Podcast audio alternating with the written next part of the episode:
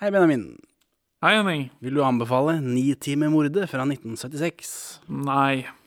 Vil du, Henning, anbefale Nitimen- Nitimemordet fra 1976? Nei. Perla for svin. Velkommen til Perleforsvin, podkasten for deg som ikke klarer å tenke på annet enn penisen til Ivar Nørve. Ja, det Vi er to middelmådige menn i 30-åra som ser norske filmperler. Og i dag så har vi sett en film hvor- hvor Ivar Nørve figurerer med penisen sin. Riktignok tildekket. Ja. Eh, eh, Film og film, si. film og film, si. Dette er jo en miniserie. Yes. Gratulerer med to års poddag denne uka. 3. februar. Ja, Selv takk. Gratulerer med tre, to års poddag. Shit, fuck. Nærmer oss på- prosentandeler av livet, Henning. Ja, altså Du og jeg. Det var jo meninga vi skulle se denne til ettårspoddagen vår. Men da gikk jeg ut i streik. ja. ja. Jeg var vel hyggelig og skyldte på korona, tror jeg, i den episoden vi faktisk slapp. Men det var, det var jo bare at jeg ikke samtykket. Ja, Du hadde- jeg fikk ikke noe kontakt med det. Dette, det, ja, nei, det Og så var det noen unger, og det var jo noe føding og noe greier i tillegg, tror jeg. Februar. Ja, jeg hadde jo Jeg fikk jo pjokk 14. februar. Så, så det gikk ikke. Så da ble det noe annet. For vi hadde jo tenkt at vi skulle lage en sånn årlig tradisjon hvor vi ser Helmer og Sigurdsson. Hvorfor hadde du tenkt det? Fordi vi, det er første episode av Helmer og Sigurdsson. Ja, Og det er, det er normalt at man har en sånn Når man feirer, så gjør vi dette. da er det dette vi gjør. men den vi så, var jo frittstående sist, da. og Ikke en sånt Ringenes herre-aktig epos Nei, som vi har sett til i dag. Dette her er like frittstående. Det er tre episoder. Hver episode begynner med 'dette skjedde i de forrige episodene'. Og det er ikke mer enn kanskje maks 90 minutter n- med content i disse tre episodene til sammen. Ikke enig. Det er i hvert fall 120 minutter. Nei. Nei, det er det ikke. Vil du vært Det er over 100 minutter. Det er over bølgelengden her. Du sa 120. Det er 120, der er, der er Ja, for det, det, 100 nei. det, I den siste episoden så var det bare fem minutter intro, og i den andre episoden var det bare seks minutter De intro. er jo 40 minutter lange. Ja ja. ja. Eh, Men det er iallfall sett. Har du sett den igjen? Ja, selvfølgelig har jeg det. Jeg gjør jobben min, jeg. jeg har sett, den- dette er notater fra i fjor.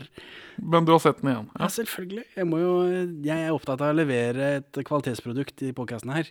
Og derfor må jeg eh, advare alle om ikke hør den første episode om Spøkelsesbussen, Helmer og Sigurdssons Spøkelsesbussen, for den er vanskelig å høre på. Skal vi legge inn en advarsel, kanskje? Oi, oi, oi, hopp heller til bla, bla, bla hvis du vil høre en første episode. Eh, Da må du legge ut det på nytt igjen, liksom. Nei, det trenger jeg ikke. Det går an Den å har jeg sikkert bare i MP3-fil. Det har du faktisk. Det går an å eh, Jeg mente ikke å si det i selve fila, men i beskrivelsen. Ja, det går vel an. Men jeg syns vi bør kan legge slette det det, som- og så selge de på kassett. Ja, det, så, eh, ring meg når vi har 200 episoder, da. Da har du liksom noe å fjerne. Vi har jo masse Hvis vi fjerner de første 20 nå, ingen lider noen nød av det. Eller jo, at dere tør. At dere tør bli referert til konstant. Ja, det, det har du Samtale t- eh, som vi ikke kan ta på tape. Ikke hør Spøkelsesbussen, ikke noe grunn til å gjøre det. Men i Spøkelsesbussen så hører vi feil. Det er snakk om eh, Anders Hatlo inviterer sekretærkjæresten sin ut på en grandios middag. Mens vi tror det er en Grandiosa-middag.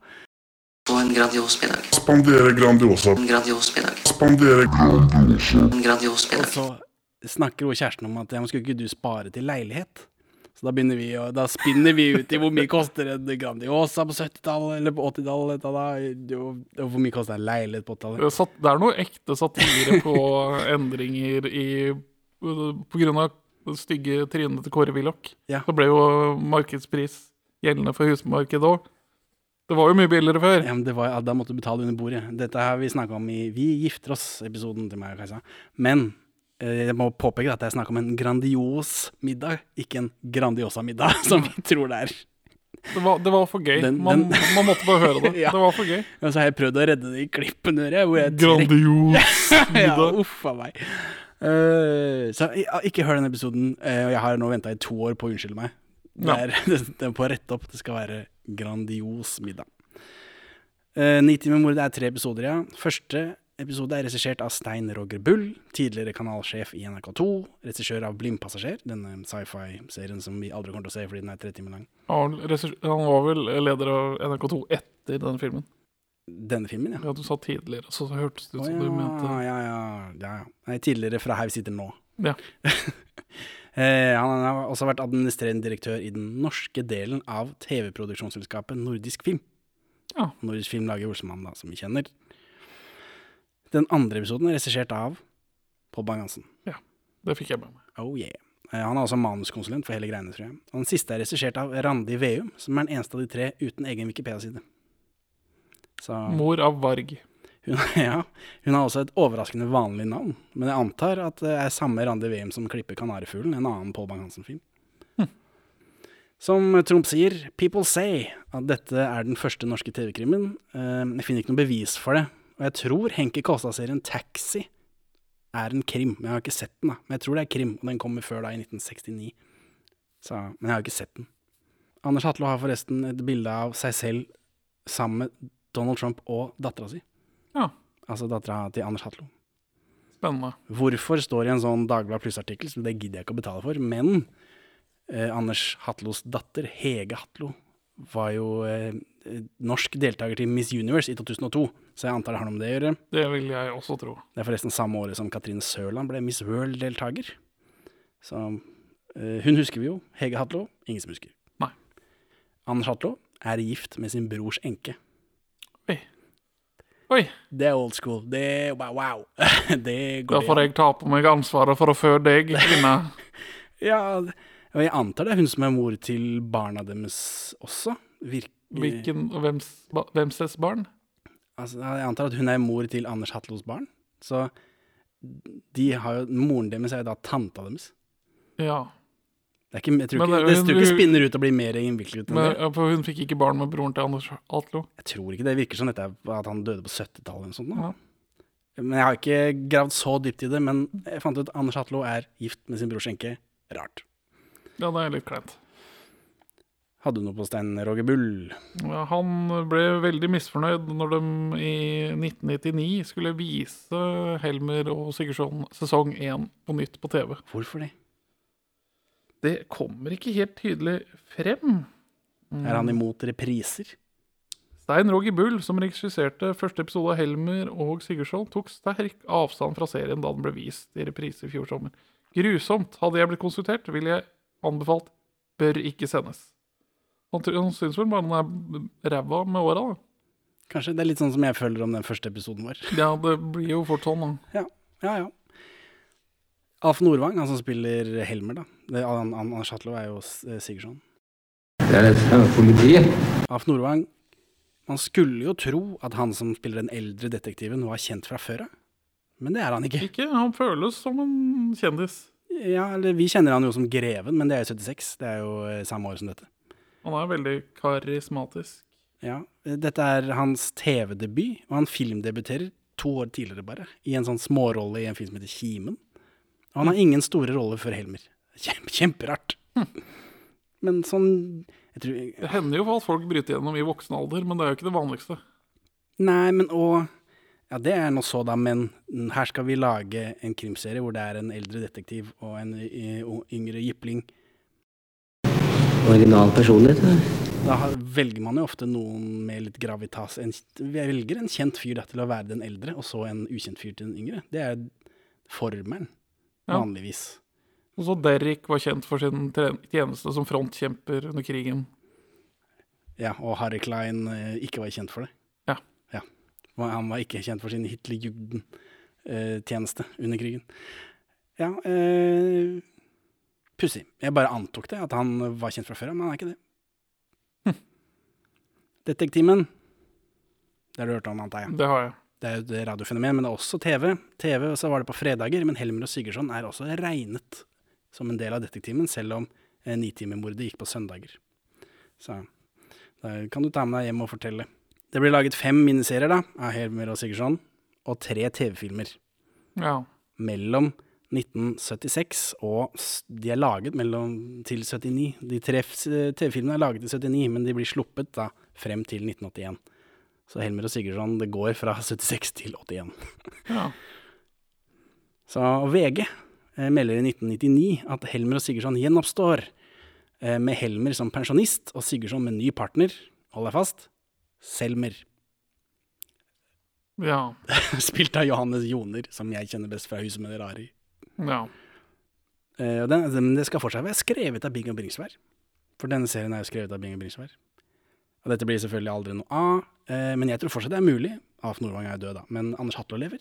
Ja, men han er vel, nærmer seg vel pensjonsalder, Jo, han. han er godt oppe i 70-åra, men eh, det har jo ikke noe å si. Ja, nei. Johannes Jone lever. Han kan være med, han også. Hvis, det, hvis man ikke vil ha inn noe friskt blod. nei. Det, ja. Jo, ja, men det, ja, det, man, vi mangler jo Bing, da. Jo, men det mangler jo også Alf Nordvang. Ja. Noen andre, jeg kan skrive det, kjenner jeg. Det, det må gå an. Musikken er selvfølgelig av Egil Monn Iversen, den eneste musikk-EMI vi respekterer her i Perleforsvin. ja. Så, men han er ikke så god på å lage sånn krim-noir-musikk. Nei, musikken her er slitsom.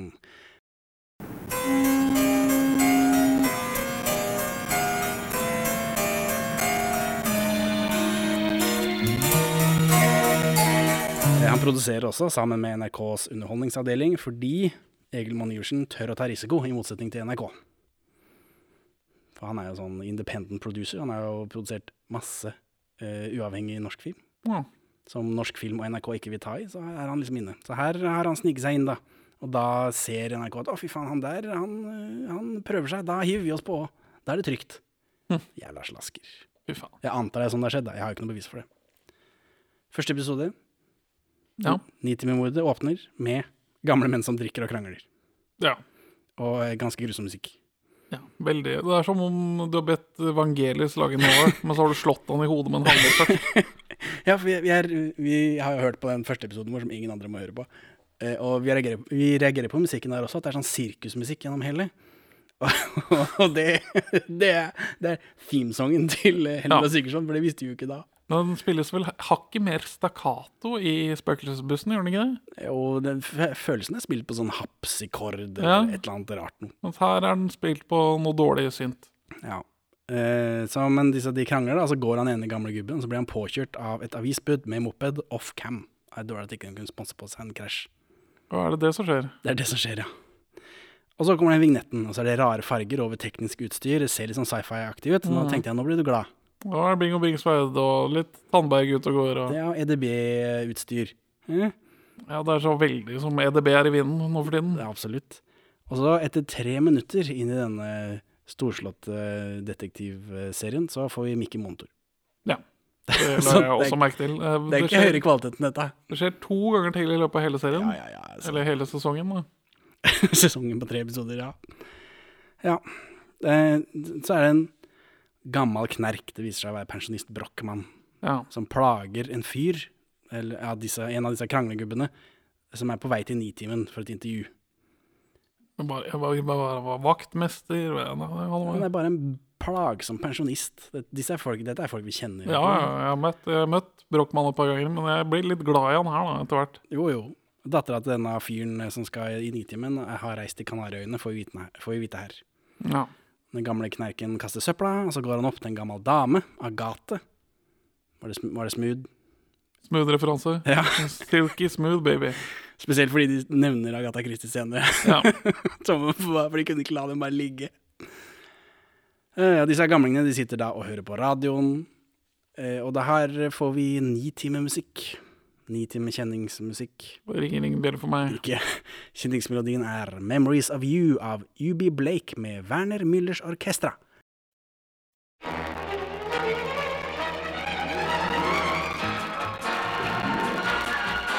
På 70-tallet så prøvde Totto Osvold Hugo Osvald heter mordofferet her, har det noe med dette å gjøre? Kanskje, kanskje. Å forandre den låta, da. Protestene var så voldsomme at de gikk tilbake etter en uke. Melodien ble fjernet i 2019, og et kjapt Google-søk viser at folk på Facebook er sinte. Ja, det kan jeg tro på. De gamlingene driver og spiser frokost, og så hører de på Du Nitimen. drikker kakao. Unnskyld meg. Ja, altså han gamle gubben drikker kakao. Du Eh, du hører på en Tandberg Sølvsuper 4, nå, hvis noen lurte på det. Ja, ja, ja, de hører på radioen der, da. Og så nå om dagen så tenker vi at reiseradioen avløser Nitimen. Eh, Men siden Nitimen går hele året, mens reiseradioen bare går på sommeren. Men det er egentlig Nitimen som avløser reiseradioen. Siden reiseradioen kom i 1963 som et lett program med mye musikk, og Nitimen er bygd på samme lest, men et par år senere. Ja. Det var nyskapende med et underholdningsprogram i NRK som ellers bare har drevet med folkeopplysning. Ja. Så, og Nitimen er et sånn direktesendt program som går alle dager. Når eh, på dagen begynner Nitimen, tror du? Kvart på ni. nei, Ni. nei, det begynner tre over ni, for det er nyheter først. Ja. Hvor lenge varer Nitimen, tror du? Eh, 57 minutter. Ja, det er én time fram til 2000, da blir det to timer. Ja. Så det ble, ble det ni-to-timen. Noe sånt. To nitimer. Ni- og titimen. Nitimen ble startet av Kjell Tue, Svein Bjørnstad, som kun er nevnt ett sted på Wikipedia og ellers er ugooglebar, så hvem vet. Og Johan Vigeland, som døde i 72. Ja. Så derfor er det bare Kjell Tue som vi ser i filmen, og han er kjent som Nitimens far. Han var programleder for Vil du gjette hvor mange nitimer han var programleder for?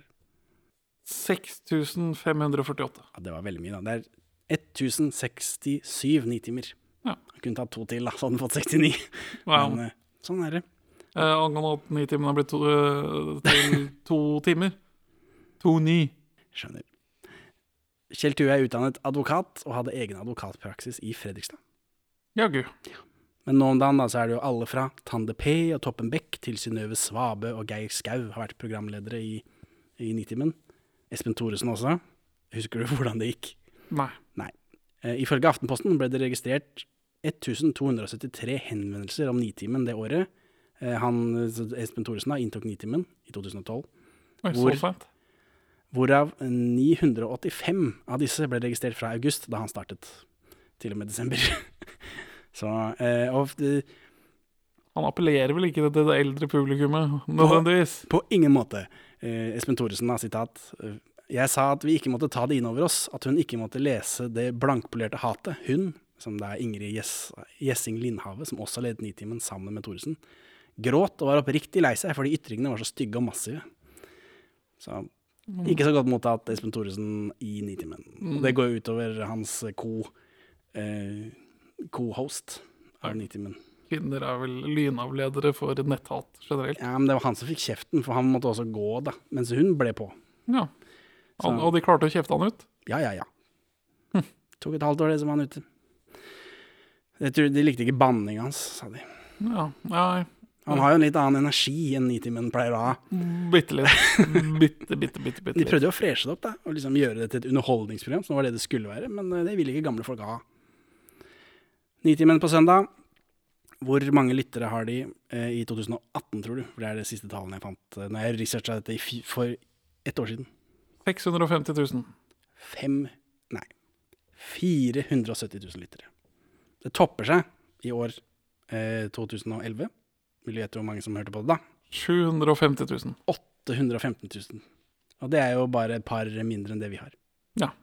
Et par. Et par. Og det var toner ifra en solrik sommer. Så er vi i radiostudio, da. og Da kommer han eh, dette Ja, han blir jo liket, da. Offeret. Eh, Ja. Hugo Osvald, som han heter. Ja, han kommer inn, for han skal snakke om noen reisesjekker og noe dritt. Han er sjef i en eller annen bank. Ja, han jobber med valuta i hovedsak. Ja, eh, Han får beskjed om at man røyker helst ikke i studio. Helst ikke. Helst ikke. Morsomt. Det er Pål Skjønberg, broren til Espen, forresten, som spiller Hugo Osvald. Ja. Hadde jeg aldri gjetta. Jeg syns ikke de ligner i det hele tatt. Nei, absolutt ikke. Og dette er, dette er jo en film, TV-serie, eh, som gjør sånn lurbruk av å skrive manus rundt eh, ting man har tilgang på. For nå er de på NRK, og det er liksom, de Ja, det- bruker jo, bruker jo NRK for det det er verdt. Veldig meta. Veldig. Eh, og så spiller de Goldfinger som intro til eh, Hugo Osvald, tror jeg. Det var og Det ble jo overraskende spen spenstig. Jeg vet ikke helt om den avtalen som ble gjort da, holder vann i dag. Og du tenker på lisensavtalen. Jeg, jeg vet ikke om Norvaco betaler Shirley Bassey det hun skal ha for det. Dette lærte vi da vi så på og snakket med folk som hadde laget Forelsket 87, at eh, det bryr seg ikke noe om. Nei. Ikke på 80-tallet, helt sikkert ikke på 70-tallet heller. Ja, men nå streamer den jo på nytt, da. Det, Jo, men det det gikk jo altså det, Fono Forelsket Fono 87 er ligger såpass også ute. harde at de får sikkert betalt hver gang de får en avspilling. det tror jeg ikke noe på. Det tror jeg. De, noen må registrere det. Jeg som har snakka med Tono i forbindelse med denne podkasten. Jeg må eh, selvrapportere Fuck deg, Tone. Ja, fy faen. Tenk på den jævlig fete introen vi hadde hatt om, eh, om ikke jeg hadde snakka med Tone, men jeg bare latt det gå. Mm. Så er det intervju, da. Vi får vite at reisesjekker er sikrere enn kontanter. Og så, ser vi, og så er vi tilbake hos disse to gamlingene, og så ser vi at de hører på radio. Og det gjør vi lenge. Veldig lenge. Kjedelig. Ja, dette har jeg ikke tid til. Dette skal være spennende krim. Ja. Gamlingen, eh, gamle dama, eh, Ella Wahl, kjenner du henne? Ja, det ringer en bjelle. Gategutter, det er mora i Gategutter. Og så hører vi på radioen da at han, eh, Hugo Osvald han sliter. Men han lar seg intervjue til this bitter end. Her skal det, det skal, her skal det intervjues. Eh, Men de som produserer, tror at han har sceneskrekk. Ja, mens Altså, vi han får er vite skjelver fra og er litt sånn rar. eh, vennene våre som lytter på radio, som kjenner han, at dette ikke er i tråd med hans karakter. Ja, for han er jo vant til å stå foran masse folk, han er jo sjef i en eller annen bank. Så han, han segner om, da, og så kom, styrter de inn, og så må de sette på noe annet på radioen, og det er liksom litt sånn panikkfølelse. Så ljuger NRK til publikum Ja. og sier at det er noe galt med båndet, så vi får ikke hørt resten av eh, intervjuet. Ja, men han irriterende gamlingen, han veit at nitimen er direkte. Det er ikke noe bånd her. Og førstehjelp på 70-tallet er bare brystmassasje. Ja, de var ikke så gode på det, alltid. Nei. Og så er det en av disse radiomennene som ser rett inn i kamera. Herregud. Ja, noen av skådisene her føles som de bare Oi, du, du jobber her. Vi bruker deg. Ja, absolutt. Så er det Jim Reeves, går i nitimen da. Og han gamlingen, Brochmann, da, han har jobbet i NRK, så han ringer bare ned. Og da får han vite at han fyren er dau. Ja. Det høres Eller ikke ut som- ja, ja, han som står i resepsjonen, ser at en fyr blir trilla ut. Jo. Så at de setter to og to sammen. Han sier ikke konkret at han er helt sikker på liksom, men Har de ikke taushetsplikt i resepsjoner? Nei. Nei. Du har jobbet i resepsjon. Jeg har jo- jobbet i resepsjon. Ja. Har du blitt ø, opplyst om noe tausplikt? Det, jeg mistenker at jeg hadde noe jobb i resepsjon i militæret, så jeg antar jeg hadde en eller annen form for taushetsplikt. Ja, det, det kan stemme. Så, um, og så er vi inne i leiligheten da, til han Hugo Osvald, som er enorm. Er ikke dette en Oslo bygård skal være? Jo. Så her er det typ 70 folk i et eh, kollektiv nå. Ja. Og den er veldig 70-talls, men den, den blir presentert som ny og fancy, for han har pussa på sånn Men han har pussa på 70-tallet, da, så det blir jo ikke sånn supernytt og fancy. Nei, men han har en ø, veldig dyr eh, ø, Tandberg. ø, s- ø, s- Sigurd Seil Falcon-stol, i hvert fall. Ja, var den dyr på 70-tallet, da? Ja. Ja. Jeg vet, den, er, den har vel holdt omtrent eh, Ligger litt bak inflasjonen i verdi. Ligger litt bak. Ja. Men ellers er alt av inventaret 70-talls stygt. ja. Og så er det en dame som driver og roter inn- rundt inni der. Det viser seg å være en sånn vaskedame. Stuepike eller noe sånt. Nå. Hun ser kjent ut. Jeg kommer ikke på noe. Så er vi på en obduksjon, det er en lege som vasker hendene, og da kommer Helmer og Sigurdsson inn. Og for en introduksjon. Dette er lavmælte greier. Jeg er den typen politimann. Dette er min venn, den typen politimann. Ja, og han legen sliter med replikkene sine. Han er en ekte lege, tror jeg. Altså, Ta det om igjen, da. Ta det om igjen, jeg skjønner ikke. Men, eh, og Anders Hatlo er typ 11 år. Altså, Ja, han er, han er veldig ung her. og han har ikke råd til knapper i skjortene sine. Hæ? Han går jo med åpen skjorte. Det er, Nesten helt ned til navlen. jeg tror dette er 70-tallet i full vigør. Ja. Eh, Helmer har sluttet å røyke, så vi får litt sånn personlighet, da. Mens Sigurdsson spiser gråpære. Gråpære heter det det? ja, det gjør det på 70-tallet. Dette er en veldig, dette er en veldig frukt og grønt forward-serie. I Spøkelsesbussen så er det snakk om avokado. Ja, det er sant. Fordi eh, hun, de er på restaurant, på fancy restaurant, så bestiller de én avokado i forrett. Ja. Men Så her er det mye, mye gråpære. Men han sier gråpære, så skjønner jeg hvordan pære han har. ja, en, en pære som har ligget litt lenge i disken. Sånn at- Nei, men det er jo De pærene er grønne, så er de grå sånn under. Ja. Ja. Men eh, de kan være helt grønne, den typen pære òg. Jo, men da er det jo for tidlig. Kan ikke spise kart. Gråpærediskusjonen kan fortsette på Twitter eh, Ja. blant våre følgere. Pære understrek for understrek svin. Brochmann dirker låsen til Hugo Osvald, som han vet er død. Er det lov? Nei. Han bryter seg inn hos noen som er død. Man er en gammel gubbe, han tror vel alltid at han har rett. Da. Det er sant. Og så er han så gammel at du liksom Ja ja, han er så gammel, han får bare, vi får bare tju, tjuen bort. Han blir ikke liksom tatt for noe. Og for Brochmann har jobba i et vaktselskap, da, som er en av grunnene til at han er så utrolig irriterende. Og så er det mer Mikke Monitor. Det er mer Mikke Monitor enn det er Anders Hatlo i Monitor i den serien her, har jeg skrevet. Og så knitrer det helt sjukt i jakka til Helmer. Hva er hva er dette for noe? De er ikke så gode til å lage De har bare lagd TV i underkant av 20 år. Monopol eh, er ikke så l- Ja. Det er greit at det De ikke er konkurrerer ikke med monopol lenger. Sky ennå. Nei. En annen gammel mann eh, som har en masse mapper med navnet til Hugo Osvald på. da. Det- Dette er jo han kranglemannen. Han heter Anton Berg. Han- Det er han er- marsipan. Han marsipanmannen Anton Berge. ja. Og så er Bente Børsum der. Ja, det er jo, hun er dronninga i Reisen til julestjernen. Ja. Samme året. Det er På dette kontoret sammen med eh, marsipanmannen. Og så er vi på politikontoret, og her er det mer mas om gråpære. Hvem har med en gråpære? Skal vi stå og gomle gråpære oppi ansiktet på de etterlatte? Og Anders Hatlo har strikka genser over åpen skjorte med enorm krage. Det er classy, classy greier. Ja. Sånn gikk politiet, da. Ja, det, det- men dette er jo ikke vanlig Dette er ikke sånn eh, beat cops. Nei. Dette er kontorpykk. Tross alt. Helmer informerer politiet, og, og så kommer det en bylyd over som er veldig rart og forstyrrende. Han liksom forteller hva de har funnet, og så kommer det en bylyd over. Og så er pensjonistene prøver å finne ut hvilket reiseselskap denne dattera har brukt, da. Eh, De vil advare henne om at hennes far er død, og, og så Jeg vet videre. ikke hva de vil. jeg. Det virker som å dra til Syden før var det samme som å dra til månen. For det var liksom bare wow, helt eh, utrolig. Ja, det, ja. Eh, Og så driver Helmer og avhører denne stuepiken da, som røyker inne på kafé, eh, og hun fyrer med fyrstikk. Koselig. Og spør i hvert fall om lov, da. Hun spør om kan jeg liksom Er det greit? Og så, går, og så kommer den derre Og så er den Sting-musikken, sånn jævlig høy harpsichord-musikk, den kan dra til helvete. Mm. Eh, Sigurdsson er på arbeidsplassen til Hugo og avhører kollegaen Anton Berg, som han, han som krasja med den mopeden, da. Og så får vi flashback til den fyllefesten til Berg og Hugo, som krangler. Eh, og- men dette vet vi jo. Hvorfor får vi flashback til dette? De vet ikke hvordan de lager TV. Brochmann sniker seg inn i leiligheten til Hugo, eh, men den er åpen, da. Og da er det bare Helmer som er der, og han går rundt med et opptak fra Nitimen. Ja. Altså, den er Brochmann. Det er en gammel mann på ordentlig. Har han gammelmannssminke? For det ser ut som han har rumpehull i tinningen. Nei, jeg tror han bare er eh, gammel og har drukket mye. Ja, men det er så veldig Han er med i en annen, en senere av disse Helmer og Sigurdsson-seriene også. Og det er ikke like ille da, Han har vel kutta litt ned på drikkinga, da. kanskje. At Det ser iallfall helt eh, Det ser ikke bra ut. Det ser ut som han har rumpehull sånn i- der hvor man har kråketær. Ja. I øyekroken, liksom. Sier du å lage krokketær på deg sjøl veldig aktivt? Ja. Ser du ikke det gjennom podcasten? Det ser iallfall rart ut.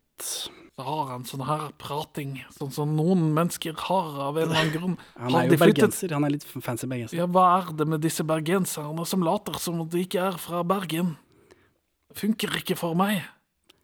Nei. Inne i leiligheten så finner Helmer en reiseklar koffert som Hugo har. Og det er mystisk. Det, jeg kjenner folk som har go-bags. Det er vel ikke så uvanlig. Nei, han er vel prepper, kanskje. Han har en Det er eh, derfor han har de bunker i fine- Nordmarka. Ja, Som han skal bruke de fine skjortene sine i. Eh, og så kommer det en sånn rar nabodame da, som Helmer snakker med. Det kommer ikke noe ut av det. Broren til denne stuepiken bor også i gården der, Ja. sammen med denne rare nabodama. Og stuepiken kommer da inn til det, Helmer snakker med den rare nabodama, som er sammen med broren til stuepiken, og så kommer stuepiken inn. Og så blir Helmer furt fordi stuepiken ikke sa at hun var i slekt med han fyren som bor i etasjen under. Det virker jo som de har en konspirasjon gående. Ja, men nabodama sier at det får være grenser, da. Det- Til hva, du, hva jeg skal fortelle. Hun eh, står på sine rettigheter om å- man trenger ikke å inkriminere seg selv overfor politiet. Nei, for hun har jo bare svart på spørsmål som han har spurt om. Hun spurte ikke om broren, hans, broren hennes bodde i etasjen under. Så, og broren har, han driver med mus, og han har da laget en huske til musene sine. Ja. Funker det? De er, Er det lek- sirkusmus? Nei, men altså, alle pattedyr er lekne i en viss grad. Ja. ja ja, hvis du sier det er greit, så skal jeg la det gå. Så er pensjonistene på flyplassen. Eh, og det, før så kom kofferter på tralle, ikke på bånd. Så de kommer drassende inn med koffertene, og så er det en fyr som deler ut. Ja. Og så og så er det på Gardermoen, ikke på Fornebu. Ja, det syns jeg var rart. Det, det, er ikke det bare militærflyplass? da? Tydeligvis ikke det. Det går charterfly der. Visste jeg ikke. Så, men det viser seg at dattera Rakel ikke er på flyet. Og så kommer det en bil i mørket, og vi får mysteriemusikk. Og så er det faen, ja. og så er det faen meg Ivar Nørve igjen. Vi slipper liksom ikke unna. Han er med i Spøkelsesbussen også, da som skurken. Ja. Og her er han også litt sånn skurkete. Og han er med i alt mulig rart, inkludert Alt dere tør. Karsten og Petra. Karsten og Petra. Så eh, Ivar Nørve gjemmer seg for politiet, og så bryter han seg inn hos eh, Hugo Osvald, da. Og det, nå er det mørkt og forvirrende og veldig rar måte å introdusere enda en karakter på. ja. Dette, dette er krim av eh, den gamle skolen. Alle er mistenkelige. Alle har motiv. ja. Men det må være greit, føler jeg. Ja, ja, men For det, dette, er jo, dette går jo på TV. Det er meninga folk skal lure på hva dette er for noe. Det er meninga Ah, ja. folk skal vite, ville se neste episode. men det blir litt sånn red herrings in a barrel. Det er veldig mange red herrings, ja. Eh, det er sant. Jeg falt for en. Jeg falt for en. Du gjorde det, ja. Jeg gjorde det. Samme som Aud Schønemann, vet jeg. Jeg er samme som jeg trodde, mann. Men det kommer vi til, antar jeg. Så Vi tar det i slutten av episode to, kan jeg tenke meg. Ja, greit. Lyset går på, og eh, Ivar Nørve må liksom plutselig gjemme seg. Da Ja. kommer, disse- da kommer disse gamlingene inn i leiligheten igjen. Ly, lyset, st- eller hvor lyset står på. Vi får vel gå inn og slutt, slukke det. Skal de bryte deg inn? Nei da, det blir jo Jeg er jo en gammel mann, jeg har lov til det. Så, så det er ikke de som skrur på lyset. Så de går jo der inn, og så blir de møtt av Rakel. Dun, dun, dun, dun, dun. De har stått og venta på i- tre fly som har landet, uten at Rakel har dukket opp. Ja. Og Rakel begynner å grine, hun vil ikke være alene. Hun får sove, sove hos Agathe, og Brochmann er skeptisk. Og her merker jeg at jeg liker Brochmann bedre og bedre, selv om han Ja. er en jævla snik. Han er, han er, han er en detektivtype. Ja, og så Fordi han vil jo stille henne kritiske spørsmål, mens Agathe bare Nei, nei, nei, det må vi ta senere, det er jo sent, og hun eh, gråter. Eh, og så drar de da alle sammen, og da fortsetter Ivar Nørve å rote rundt i leiligheten der eh, under rulleteksten. Her står det at det er kostyme av Tull Engø. Jeg fant ikke noe på dette mennesket, men det var et morsomt navn. Hm. Tull. Tull. Tull Engø. Tull lenge. Andre episode. Rett på vignett. Og så får vi en sånn Previously On Helmer og Sigurdsson. Ja, som er l- litt som om det er en nyhetsreportasje. Det er sånn midt mellom en Previously On og en reportasje i TV-nyhetene. Ja, og så slutter det med siste scene fra forrige episode. Dette var det siste vi så, og så er den scenen kanskje to minutter lang. Den er altfor lang. Man trenger jo handhold, handholding i eh, TV-mediumets spede norske dager. Tydeligvis. Ivar Nørve kaster papirer rundt seg og bråker. Og så er det Pål Bang-Hansen som har regissert, da. Og så har Agathe, Brochmann og Rakel frokost. Og Rakel sier at hun har ikke vært på Kanariøyene, men hun har vært på Sogn studentby og pøka. Ja, og blitt raila av en student. Yes. Ja, jo, det tenkte jeg. Ja, det er, det er greit. Det skjønner jeg. Ja, den, den kjøper jeg. Ja. Og så er det Helmer, da. Han sliter med å slutte å røyke, og her får vi en Kojak-referanse. Oi, Fordi sønnen til Helmer sier at han heller bør bruke sånn so kjærlighet på pinne som ordentlige detektiver. Nei, jeg lurte på om det var, hvor det var fra. Ja, Kojak, da. For det tror jeg gikk på NRK, skjønner du. Det tror jeg jo. For 100 millioner år siden Jule Dinner? Eh, Telly Savalas. Alle skalla menn er ikke like, skjønner du. Nei, nei, nei, nei, nei, nei, nei. Rakel eh, kommer inn da, og blir avhørt. Ja, og Hugo var skilt, og de har ikke noe, hatt noe kontakt med mora. Kontroversielt. Meget. Og da- Ungpiker som pøker studenter. mm, Menn og kvinner som skilles. Dette er, eh, det er grusomme greier. Dattera har heller ikke hatt noen kontakt med mor, med kone, ekskone. Ja, Det er jo litt rart. Ja, men mm, det skjer jo, og folk har dårlig stemning, da. Ja, Men barn pleier jo å være sine mødres eiendeler etter skilsmisse. Jo, det kommer an på eh, hvordan mora er, da. Ivar Nørve sitter i bilen sin og venter til Helmer og Sigurdsson har dratt, og så ringer han noen. Uvisst. ja. Helmer snakker i bilradio, med bilradio.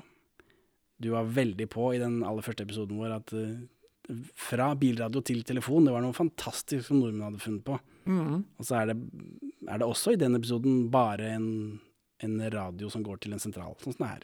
Nei. Nei, det er ikke så enkelt, men det er greit. Det er bare en radio som går til en sentral. Mm. Nei.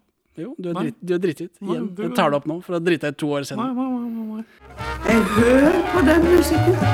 Akkurat som det ikke hadde hendt noe. Agathe og Brochmann er i leiligheten til Hugo sammen med Rakel og studentkjæresten hennes, som plutselig dukker opp. Så, men, altså, men For de har ikke sperra av åstedet, disse politifolka. Nei, nei, dette er, et bo øh, dette er et hjem, først og fremst. Ja. Og vi får ikke se noe De nevner vel at de har sjekka vannet på NRK? At det ikke er noe gift noe sted? Men de har jo ikke sperra Nitimen, antar jeg? Nitimen fortsetter jo etter at han er død. Ja, ja, det, det, Etter at han ligger død i rommet. Så det for- fortsetter de, spiller de Jim Reeves og liksom kjører på. Jeg glemte å nevne at det kommer frem av første episode at han har blitt forgiftet. da. Ja. Vi hoppa bare rett over den biten. ja ja, for jeg er så lei av det der. Haralan. For det er en ganske dårlig krim, så vi må bare blaste gjennom. Jeg glemte å fortelle. Du finner ikke giften noe sted. For Helmer og Sigurdsson de, de kommer jo til dette leiligheten støtt og stadig. Det er ting der som de vil sjekke, og folk kommer og går. Og hvorfor har de ikke sperra? Gjorde man ikke det på 70-tallet? Nei, det var en senere oppfinnelse. Ja. Han studentfyren, da han sier corny, så jeg antar han skal være hipp eller noe sånt nå. Det vil jeg tro. Han bor i kollektiv, noe som kanskje er uvanlig, for de fremlegger det Nei, litt han, bor i, sånn. han bor i studentboliger på- i Sogn studentby. Den gamle OL-landsbyen, bygd i anledning OL i 1952 i Oslo. 52 er riktig, ja. Så bygde de masse murbygninger på s- ved Sogn, da, vis-à-vis Ullevål. Og når de var ferdig med å bli brukt som deltakerlandsby, ble det gjort om til studentboliger. Og det var eh, sammen med de studentboligene som ble anlagt opp på Kringsjå i tidligere tyske brakker i 19, høsten 1945, var det noen av Oslos første studentboliger. Ja, jøsse navn. Hvis Og man de dro- står der ennå, gjør de ikke det? Det gjør de. Det er de samme. Eh, hvis du på dette tidspunktet drar på studentpuben i Sogn studentby Amatøren heter den i dag. jeg Vet ikke om den heter da. Hvis du da gikk og pissa i urinalen på herretoalettet da, så hang det et ekte Munch-maleri over det. Å ja. For Oslo fikk, eh, når eh, Fikk for mange Munch- Munch-malerier, hvor skal vi gjøre av dem? Ja, når Edvard Munch testamenterte hele sin kunstneriske virksomhet til Oslo kommune, så ja, de fikk for mange og bare begynte å stille det opp noen steder. Så i 20 år så pissa studenter under et ekte Munch-maleri. Og det er synd å drepe alle disse ungene. Klarer seg med de du har. Rakel har jo fått masse blomster da, i forbindelse med at faren hennes er død. Og så får hun en blomst med trusselbrev. Det står 'gratulerer' i Ja, sånn noen- utklipp. Dun, dun, dun. Utklipp av Krim. visebokstaver. Krim, ja. Du ser på krim. Helmer avhører en dame. Jeg antar det er eksen til Hugo, for han er, viser seg at han er i København. Ja, han, han flyr til København, ja. Eh, og her får vi vite at Hugo Osvald var kåt og grådig. Ja. Så får vi også vite tan, tan, tan, at Rakel ikke er dattera. Guri land, hva er dette? Er det en yngre kvinne som har tatt opp med en eldre mann for pengenes skyld? Dun, dun, dun. Her er det intriger. Stuepiken og Brochmann snakker i parken. Og vi får igjen vite at Rakel ikke er datteren. Dette er unødvendig. Ja, og, men vi får òg vite at stuepiken kanskje er datteren. At stuepikens barn kanskje er Osvalds. Hæ, er det sånn det er? Det er sånn det er. Vi får se henne hente en unge, eller levere en unge. Nei, for, for Osvald har cream pie i stuepiken. Stuepikens svigerinne sier det hele tiden, og tror det. Men stuepiken virker ikke å tro det samme, og hun burde jo vite. Ja. Men altså, vi vet jo ikke hvor mye hun er ute på lille lørdag. Nei, nei, men eh, stuepiken er uenig. At det er ikke, eh, Osvald er ikke far til mitt barn, eh, mens denne svigerinna hennes mener det. Hun som er, eh, hun som er kona til han fyren med musene. Ja. Alle har motiv. Alle- Alle er mistenkte. det er noe rart med alle sammen. Så, men, eh, så her får vi vite at Hugo har vært sugar daddy, eller her sier de det med ord, selv om det er det. de Vi har forsto det. jo det i for akkurat forrige scene, jeg fikk vite Ja. nøyaktig det samme. Men nå er det forskjellige personer som får vite det. Men han bryr seg om sitt omdømme og kan dermed ikke ha det sånn at han bare bor med en ung dame han pøker. Det går ikke an. Men så blir samtalen til Brochmann og den stupiken blir overdøvet av flydur. Hvorfor det? D- d- d- d- NRK har ikke uendelig med teip henne. Nei.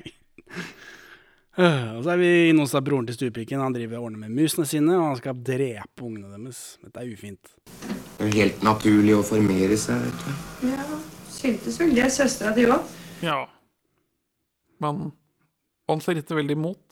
Ja, Han syns ikke det er noe koselig å drepe musebarn, han heller, men, men kona syns at det er sånn det må gjøres. Han Hun er dreper veldig ting med hard. gift, så blir vi veldig mistenkelige ma- mot han, men så han vil likevel ikke drepe de musungene. Kanskje han ikke er en mørdere? Han virker som en rar fyr. Dette er Erik Øksnes, forresten. Han gamle gubben i Absolutt blåmandag. Eh, og han er med i Operasjon Kobra. Han spiller en edel politimann. Guttungen hennes har like stor krav på arven som Araker. Og Her snakker de da om at stuepiken kanskje er unge med Osvald. Hun er uenig, og så er- maser hun svigerinna da om at det er noe arv og greier. Men, men det er ikke bekrefta at det er Osvald som er denne faren. Så. Nei. Og Dette kommer vel heller ikke f- Det er bare f- mm, mistenksomt, men det blir ikke noe forløsning på det. Og så drar Anton Berg, marsipanmannen, drar til Bente Børsum som et annet sted i banken? Eller? Det- Ja. Dette er E EDB-rommet. Nei, nei for det, det virker E ikke som de har EDB on site. EDB er et annet sted. Ja, er det, ja. Ja. Men de drar dit. Jeg tolka det som det var samme Fordi, bil for første gang. men banken leier bare en kjempemaskin. prosessorrunder nei de, nei, nei, de leier tid på maskinene. Ja, ok. Og her, Det er jo datamaskiner til 40 millioner kroner, må du skjønne. det er det, det fyller et helt rom. Det er masse sånn bånd som går fram og tilbake. Og her er denne studenten, for han tar hovedoppgave i et eller annet. Altså, Og så er Ivar Nørve der, men han bare skuler rundt i bakgrunnen inni det rommet. Det er bare de to personene der. Jeg skjønner ikke at de kan se jeg vet, Hva er dette for noe? Jeg skjønner ikke. mistenkelig. Spennende. Det er det. For Ivar Nørve er jo en skurk. Og så virker det som han Osvald har harva over Bente Børsum også. Ja, fordi han, han gamlisen han krangla med i starten, han håper at når han tar over stillingen til Osvald, så vil eh, deres eh, Han få et like godt forhold til Bente Børsum som Osvald hadde. Hei, yo. Ja, det spørs hva du mener med det, sier hun. Ja. Eh, og så er vi tilbake. Helmer spiser pølse på kontoret. Jeg får vite at Osvald hadde falsk pass i denne kofferten. Eh, og 13 000 dollar og en beretta. Så han har jo drevet med noe snusk, da. Han er enten Stasi-agent eller CIA. Det, det er heller, det, vi får aldri noen forløsning på hvorfor han har gener. Eh, Det er jo sikkert fordi han har drevet med underslag, da. Som det kom fram. Ops, spoiler. Ja, men trenger man gener til det, da? Hvitsnipsforbrytelse? Ja, men det, Ivar Nørve lusker rundt, da. Han er, jo- han er jo en del av dette, han også. Han, han er jo Ivar, Nørve, Ivar, Ivar, Ivar, Nørve han er den svarte snippen i hvitsnippforbrytelsen deres, virker det som. Ja, mm, musklene. Absolutt. Ivar Nørves muskler. Og så er Brochmann i bokhandleren, og han snakker dritt om krimbøkene. Han er ikke bokhandler, han er en- på den lokale snabbmatkolonialen. Er det den kiosken han kjøper kaffe senere? ja, Ja, Hvem er det som står bak kassa der, da? Karina. Oh yeah! Det er riktig. Annelise Tangstad? Og, det, og, det, og dette er øh, Dette er Pål Bang-Hansen øh, som filmer den scenen her. For da- og da- ha- Pål Bang-Hansen vil vise oss at nivået på den litteraturen dette er basert på, altså dette manuset, det er, det er kioskkrim vi Ja. ser på. For vi får lange bilder som trekker forbi øh, Hva er det? Ene sex and murder, eller Ja, Sex pluss sex er lik mord, står det vel. Det var Er vel det. en tittel der. Ja, ja det, er, det er jo det de bygger på, da. Ja. Trekker sine litterære eh, aner bakover. Og så får Rakel en skummel telefon. Og så er vi i banken, og Ivar Nørve driver fortsatt og skuler. Og så er det masse sånn gammel teknologi. Var det noe du syntes var flott? Noe du ville ha hjemme i leiligheten din? Jeg så vel en søt liten båndspiller, i hvert fall. Å ja, du vil ikke ha de svære eh, jumbomaskinene? Nei. Nei. Og så og her kommer en sending hvor en av maskinene spytter ut et trusselbrev med hodeskalle på. Binær hodeskalle. Er det Fantomet som har drept Osvald, eh, lurer jeg på. Er dette en av de første gangene eh, Aski eh, opptrer i virkeligheten i det hele tatt? Altså f- sånn f- type faksmaskin. Ja, ja men Aski Art, det kom ganske seint, altså. Det heter Aski. Dette, dette vet du vel. Jeg husker vi brukte mye på de gamle Nokia 3210-telefonene våre. Pupper og, og sånn. Ok, da kom, Tis, tissemenner. a- a- 1867 Ja, det, kommer det er- første Askin. ja, så det er nok mest sannsynlig det første gang vi har sett det. Men på det digitale så the, the, the, the widespread usage of ASCII art can be traced to the computer built-in board systems of the late 1970s and early 1980s. Så Dette er første gang ASCII er på norsk TV, i hvert fall. Ja. Det er jo litt interessant. Veldig interessant, eh, den der hodeskallen. Men eh, det var jo for eh, meg her i dag, så var det corny. Ja. For som han studenten ville sagt. Ja.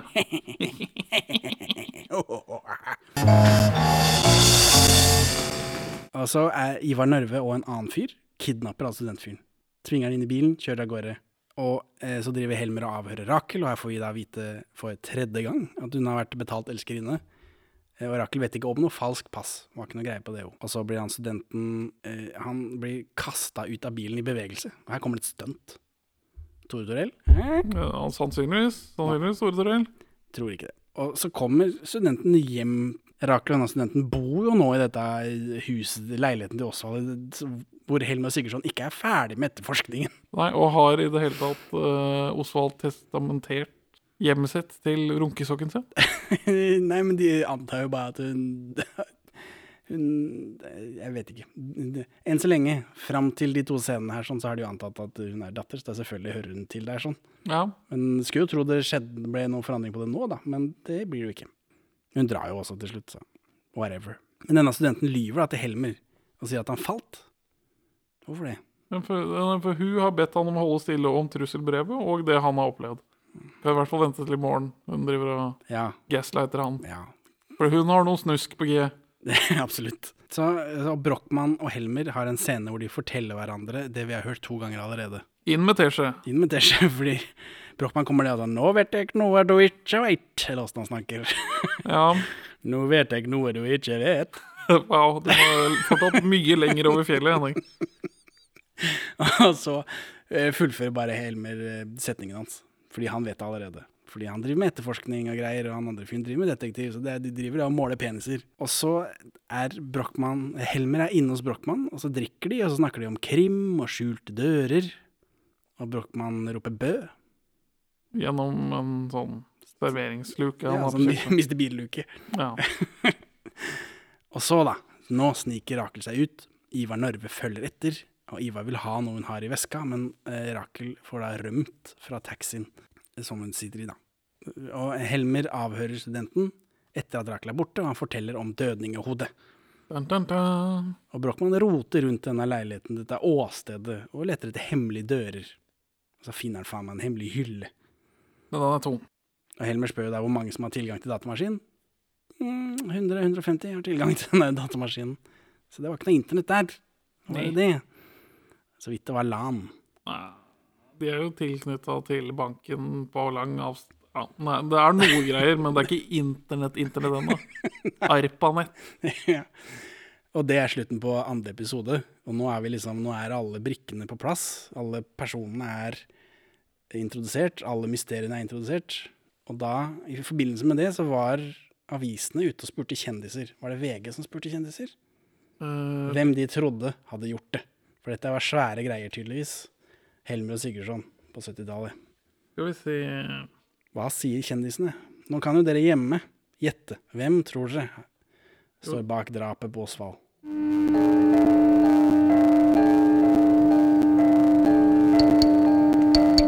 Lørdag 3. april 1976. Kjentfolk mistenker. Hvem er morderen? Skal jeg bare ta de fra venstre til høyre og nedover? Ja, forutsatt at det er folk vi vet hvem er. Harald Tusberg. Hei. Vet du hvem det er? eh, ja, jeg vet hvem han er. Han er en sånn NRK-type, da. Det er, Jeg vet allerede løsningen, men det skulle ikke være altfor vanskelig for seerne å finne morderen hvis de tenker på hvilke motiver morderen hadde, og hvorfor akkurat Osvald ble myrdet. mm, uenig. Veldig. Arild Feldborg. Hvem er det? Hm? Arild Feldborg. Har aldri hørt om, men Harald Tusberg er jo han fra Kom inn. Brochmann. Han ser akkurat ut som en pensjonist med hjertefeil. Følgelig har han Trenger adgang ikke til å stoff. lese de vi ikke vet hvem er. Faen, da. Erik By, ikke interessant. Hæ? Jeg tror det er Toralf En gang til, Erik Bye. Erik By.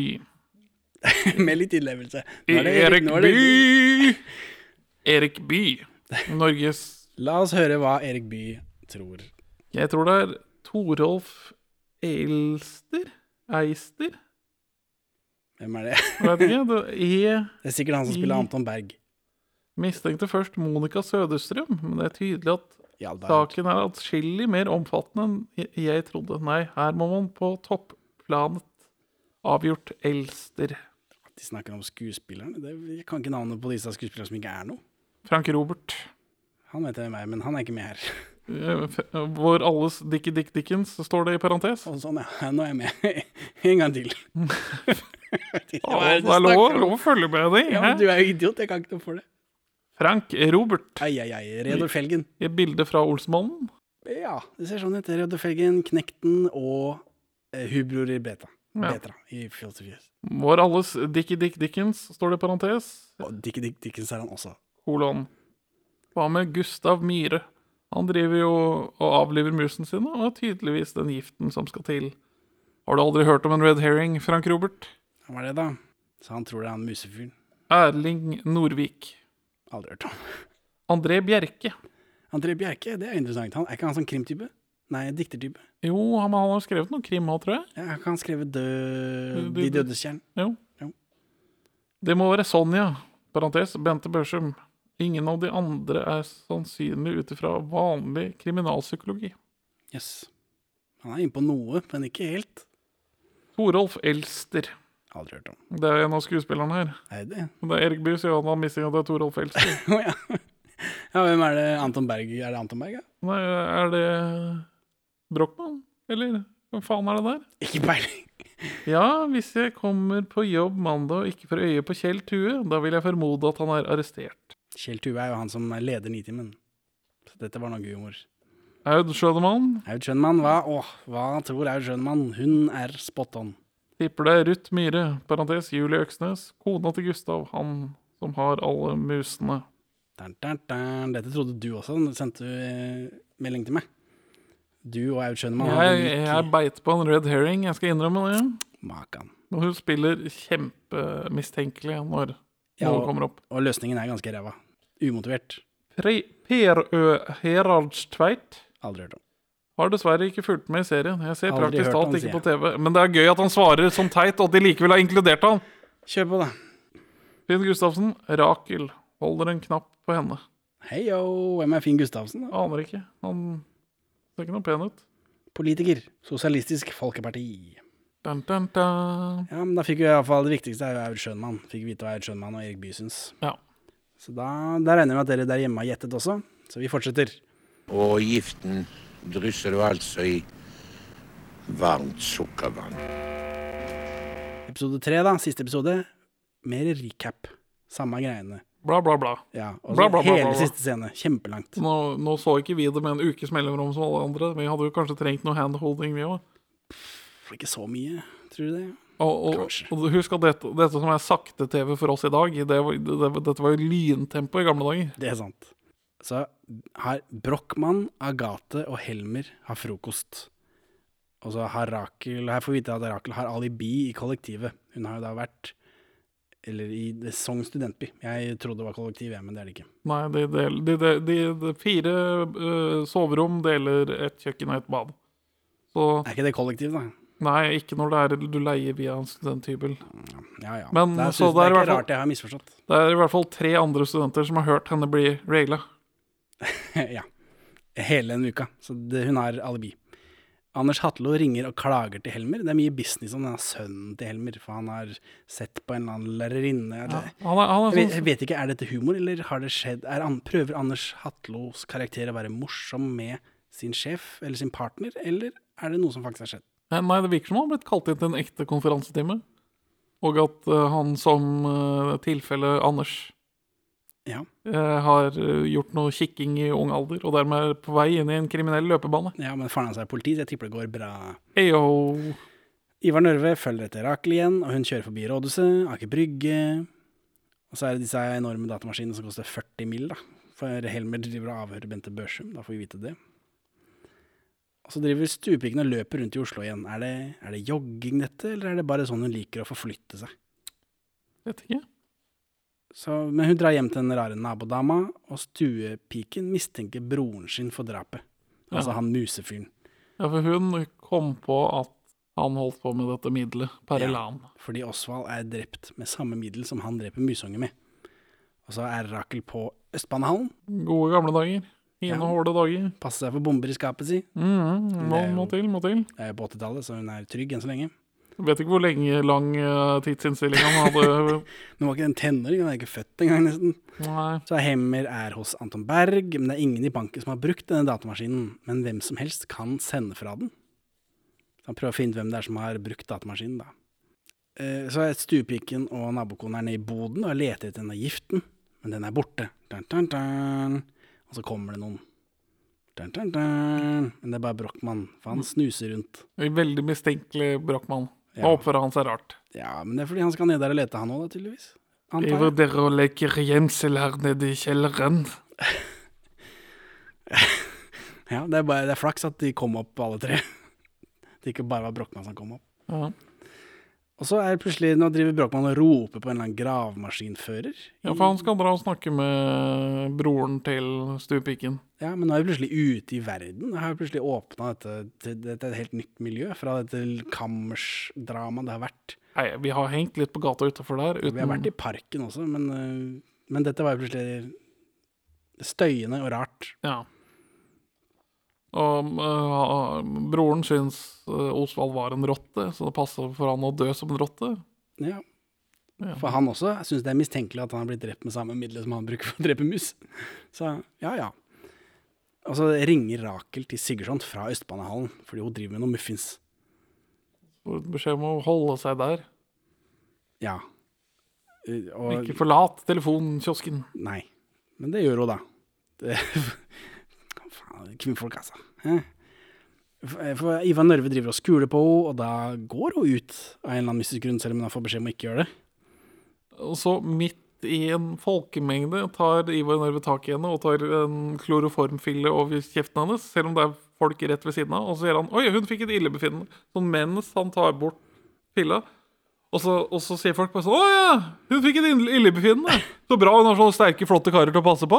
Ja, Det var annerledes før. Ja, herre Jesus, Jesus fucking Christ. Men folk følger ikke med heller. Vi vil jo helst følge med på oss selv. Ja. Så, eh, så han kidnapper henne, men han gir tilbake kofferten etterpå, da. Den er jo tom. Og så slenger han fra seg Rakel foran Oslo S der. Sova seg russen foran Oslo S. Det er ikke første som har gjort det. Nei, på ingen måte. Brochmann roter rundt i skapet til Osvald mens han synger på tysk. Studenten er også i leiligheten, fordi det er liksom åpent hus. Ja. Ja. og Rakel lever, hurra! Og her viser det seg at det var 400 000 i dette hulrommet i veggen. Og hun tror at Osvald var med i en band eller noe sånt noe. Og et dataprogram. 4000 og et dataprogram. Å ja. ja, det fikk ikke jeg med meg. Helmer eh, ville røyke på sykehuset, men Sigurdsson sier nei, fordi hun rakk ligge på sykehuset da, når hun forteller dette. Veldig hypermoderne. Veldig. Og så er Brochmann på kiosken, så er det mye Cola-reklame, det er også en eh, veldig flott reklame for potetgull, Det så ikke jeg. som han gikk forbi. Så er det Karina fra Olsmannen der, ja. Og vi får en give-out på te. ja. For eh, Osvald drikker alltid te til frokost. Men Brochmann driver fortsatt og roter rundt i kaffe på testen sin. Eh, Og så kjører politiet Volvo, eh, og de hent, ble henta en Mercedes i stad, men kanskje det var en taxi. Og så er det noe veldig funk musikk som er bedre enn det andre hylleskrikegreiene.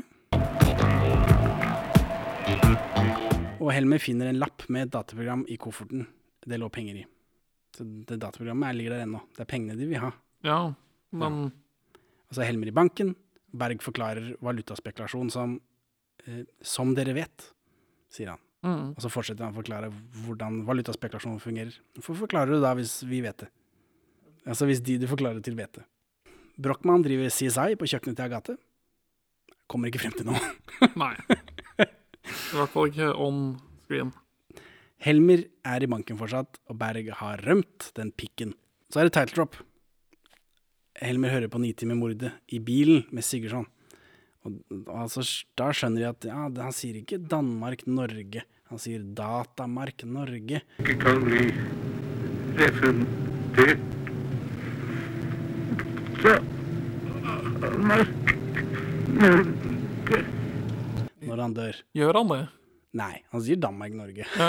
For han snakka om eh, reisesjekker og sånt noe. Men eh, ja, ja. Ja, ja. Så Mark Norge Hvorfor skulle han si Datamark Norge når han døde, for å gi et hint til de? Altså, det. Men, ja. Nei. Min min død er sikkert tilknyttet til det snuskeriet jeg drev med ved Datamark Norge. Jeg håper ikke jeg kommer meg etter dette. Han vet jo ikke han dør. Nei, Eller hvis ikke folk vet at de dør. Han vet at nå skjer det noe, men han, det er jo ingen som går ut og regner med at de dør. kanskje han hadde en Hver gang jeg lukker øynene og legger meg, så regner jeg med at jeg våkner. Ja, Uansett hvor syk jeg er. satse på det. Ja. Men, men. Helmer og Sigurdsson de tar seg bare inn og ransaker Datamark Norge. Trenger ikke noe mer bevisrunde. Nei, nei, nei. Eh, og så finner de Anton Berg død. Men han er ikke død. Han lever.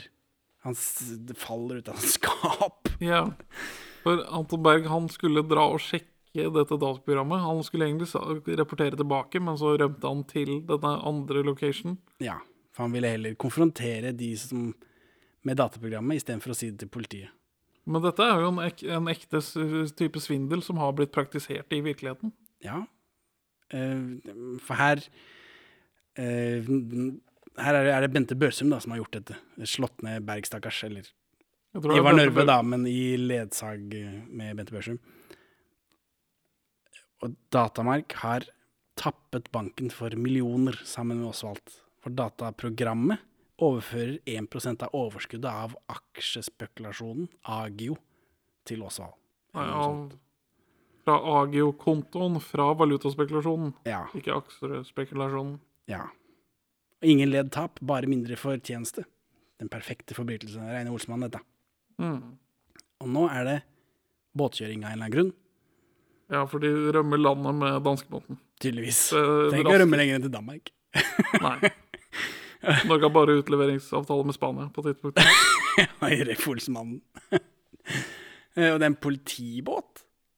Det har Oslo-politiet. Ja ja, men at de liksom drar fram det når NRK kommer på, eh, kommer liksom på besøk? Ja, men vi vet jo at politiet stiller gladelig opp for en, all all P- PR de kan få. Jo jo, men, men de gjør det, da. Men at de ikke har, Du får se politibåt fra 70-tallet i den eh, serien. men at de ikke har muskler til å be danskebåten om å sette ned farta litt.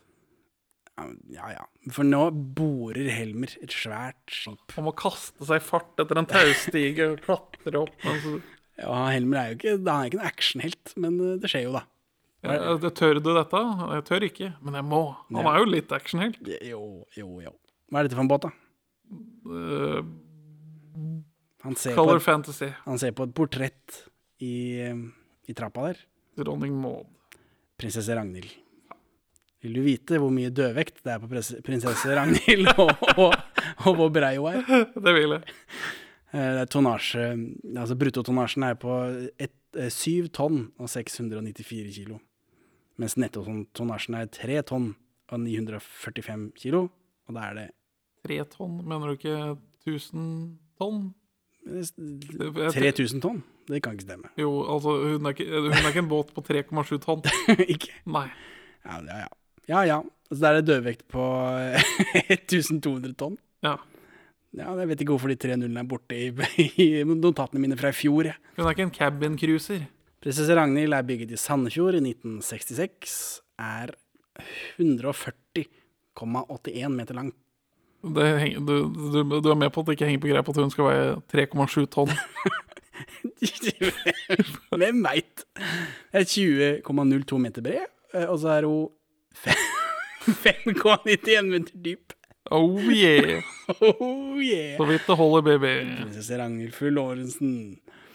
Eh, altså blir den, den blir omdøpt eh, til Janina i 1980, så da antar jeg at den er solgt, da. Det vil jeg tro. Eh, Og så blir den omdøpt to ganger til, før den i 1983 blir kjøpt av Government of the People's Republic of China og døpt GMA. Den het, det heter den ennå, og den er fortsatt i drift. Ja, ja. Så da vet du det. Helmer lar seg friste av taxfree-en til prinsesse Ragnhild. Da. Så finner han Bente Børsum, da, og, og så konfronterer han henne med dette som vi nå har funnet ut. Bente Børsum syns ikke det er noe stress å sitte litt i fengsel, for hun har så mange hundre millioner i Sveits, og det er ingen som finner ut av dette. Ja, Det virker, det, det virker så veldig rart at denne banden skal ha vært så veldig opptatt av de 400 000 han hadde i cash. For så vidt. Eh, ja, de har utsatt seg selv for mye unødvendige greier. Da. Ja. Hvis hun bare, hvis hun Rakel bare ble borte med 400 000 i cash, så hadde ingen som hadde tapt på det. Nei, da kunne du bare fortsatt med den griften de hadde, liksom. Ja, For det pro- dataprogrammet, lappen, ble jo liggende igjen. Det var ikke den de skulle ha. Ja, Det og hadde gitt mening. det er programmert i COBOL, og det er greit at det er flere folk som kunne COBOL på det tidspunktet her, men det er faen meg greske greier å prøve å lese, altså. Fortjenesten blir overført til en agio-konto gjennom E EDB. Eh, men hun vet ikke om noe mord. Da, da, da. Så Nei. det mordet er ikke oppklart. Bare alt det andre i rotet. Så er vi tilbake hos Agathe og Brochmann og Helmer. Og Brochmann tror ikke banden har motiv til drapet, altså. Nei. Og han har tidligere vært ute og kjøpt en båndopptaker av type minikassett. Ikke sånn stort, gammelt bånd. Nei. Han har ikke sånn voksrull på innerlomma. boom blaster på innerlomma. Og så kommer Rakel tilbake inn i leiligheten, og Brochmann brøyter seg inn hos henne. Og så sier han at han, han konfronterer henne, da, for han vet at hun drepte Osvald. Rakel har spiket teen til Osvald med Paralan. Og så, Dun, dun. og så var hun borte, da, til helt til han endelig tok den teposen med gift en morgen. For han tar jo te hver eneste dag. Drikker te hver eneste dag, heter det. Det heter ikke å ta te. og Rakel sier at det er ikke noe bevis, og det stemmer vel, gjør det ikke? det? Jo. jo. Så dette er entrapment, er det ikke det? Ah, nja Nja, nei, det er det ikke. Entrapment er å lure noen til å begå en forbrytelse. Ja, ja. Og Br- Brochmann faker at han har dette giftglasset med Parelan, og da knekker liksom Rakel. Men jeg knuste jo, og det, det, er ingen, det er ingen bevis. Hvordan kan du ha det? Bare, haha. Og Brochmann har tatt opp samtalen på tape, så han er podcaster. Ja, verdens første. Ja, og så tar han ut kassett. Legger den på innerlomma. Og For, for han, jeg, det, det- det er veldig uklart om han For altså, han ble tidligere spurt om han hadde lyst til å ligge med Rakel. Og da svarer han at han er for gammel til sånt. Ja, Så jeg vet ikke, det kan jo hende at han har tenkt å la presse henne for hanky-panky. ja Men det jo- som er mest sannsynlig, er at han, han sier at hva som skjer videre nå, er opp til deg. Jeg tror Ja. han gir henne En sjanse til å liksom eh, melde seg. Ja. Eller ligger man. Brochmann går inn til Agathe og Helmer igjen eh, og sier at han har glemt å kjøpe bånd til opptakeren. Film slutt. Hæ? Hæ? Red herring drittbonanza. Rakel tilsto til en random pensjonist, men det er fortsatt ingen bevis, og Helmer har fortsatt ikke peiling. Og så går rulleteksten Så Må det vel og helt til han lokker opptakeren. Og, eh, ja, det er, så- det er Rakel som har gjort det, da. Hvorfor vil du ikke anbefale Nitimermordet, denne miniserien av Helmer og Sigurdsson Benjamin? Det eneste jeg syns er eh, ordentlig gøy, er at utenfor eh, Osvalds hjem så ligger det en grønnerød forretning. Hva er det for noe, da? Eh, f- eh, Lars Grønnerød, kjent fra eh, Orderud Trippeldrapet. Han, Han ja. kom fra Grønnerød-familien, som det- eh, drev mange butikker ja, under navnet Grønnerød. Og han var eh, eh, utdannet butikksjef, og jobbet i en av disse Grønnerød-forretningene som butikksjef. Eh, I jobben fikk han en ryggskade som gjorde at han ble ufør. Og da startet han en kriminell løpebane. Så uten en av disse Grønnerød-forretningene vi ser i filmen, så har ingen i eh, I ordresaken våpen. Nei. Og det er litt gøy. Så det syns jeg er morsomt å se. Men ellers så er det jævlig kjedelig, da. Ja. Jeg, jeg liker noe av det litt, men det er, jo, det er jo ikke gøy å se på. Så Henning, hvorfor vil ikke du anbefale denne miniserien fra et eller annet? 1979. Nei, 76. Det er masse ledetråder hit og dit, og det er spennende. Men så når det går jo ikke noe sted. Får ikke noe forløsning på noe. Nei, har, har du sett serien Broen? Nei. Nei. Den har en sånn, det, det er en moderne versjon av det her, hvor man eh, følger masse spor og etablerer masse ledetråder og masse forskjellige folk av motiv. Og så i siste episode så får man vite at ja, det er noe helt annet. Ok. Kjedelig. Eh, og så er det l- Det er litt eh, lite Sigurdsson. Hvorfor heter det Helmer og Sigurdsson, egentlig? Hvorfor heter det ikke bare Helmer? Det er mer gråpære her enn det er Sigurdsson. Ja, Hvorfor heter det ikke Brochmann? Det er jo han som løser saken. ja det er detektiv eh, Vakt, perso- perso- pensjonist Brochmann, detektiv, komma, detektiv. Dette er en T-skjorte vi burde lage. ja. Og så trodde jeg de skulle fly mer rundt i gangene i NRK, så jeg ble litt skuffa av det. Eh, men det er mye positive ting, spørsmålstegn. Men den brå slutten er ikke noe for meg. Jeg trenger closure, forløsning. Og det, vi klagde over brå slutt på den eh, andre også, men der finner vi jo Der henger ting litt mer sammen, da. Det er ikke masse red herrings, altså. Å, faen, det, det var en helt annen enn som har gjort det. Ja, Men for, det er litt brå slutt der også. Mm, Men sånn Nei, Jeg trenger forløsning på mer. Er det Osvald sin unge? ja, det er bare masse red her herrings in the barrel. Ja. Så skal du si noe? Ja, ja. Ha det bra da, Benjamin. Blir, eh, blir det flere år? Ja, Eller skal- gir du opp nå etter, etter nitimermordet? Nei, skal, det blir- skal nok bli flere år, ja. Hei yo. Ha det bra. Adjø. Takk for at du hører på Perler for svin. Du finner oss først og fremst på perleforsvin.no, men også på Twitter under perler-for-svin, Facebook som perleforsvinpod, eller du kan maile oss på perleforsvinpod at gmail.com. Gi oss gjerne en eh, rating i din lokale podcast-avspiller, og, og legg igjen en beskrivelse, så folk skjønner hva det er for noe tull vi egentlig driver med. Her er ukas Pål Bang-Hansen-sitat ute av kontekst. Men den inneholder jo innimellom lyse øyeblikk også, da. Sånn som når en av eh, hovedpersonene har fått parykk og kommer hjem til mor og far.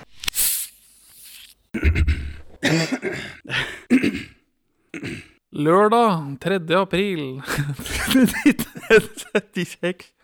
Sånn, God start på Nå skal vi gjøre det ordentlig. Fy faen, du er teit, ass. Er det ingen andre der ute som vil starte podcast? Ring meg.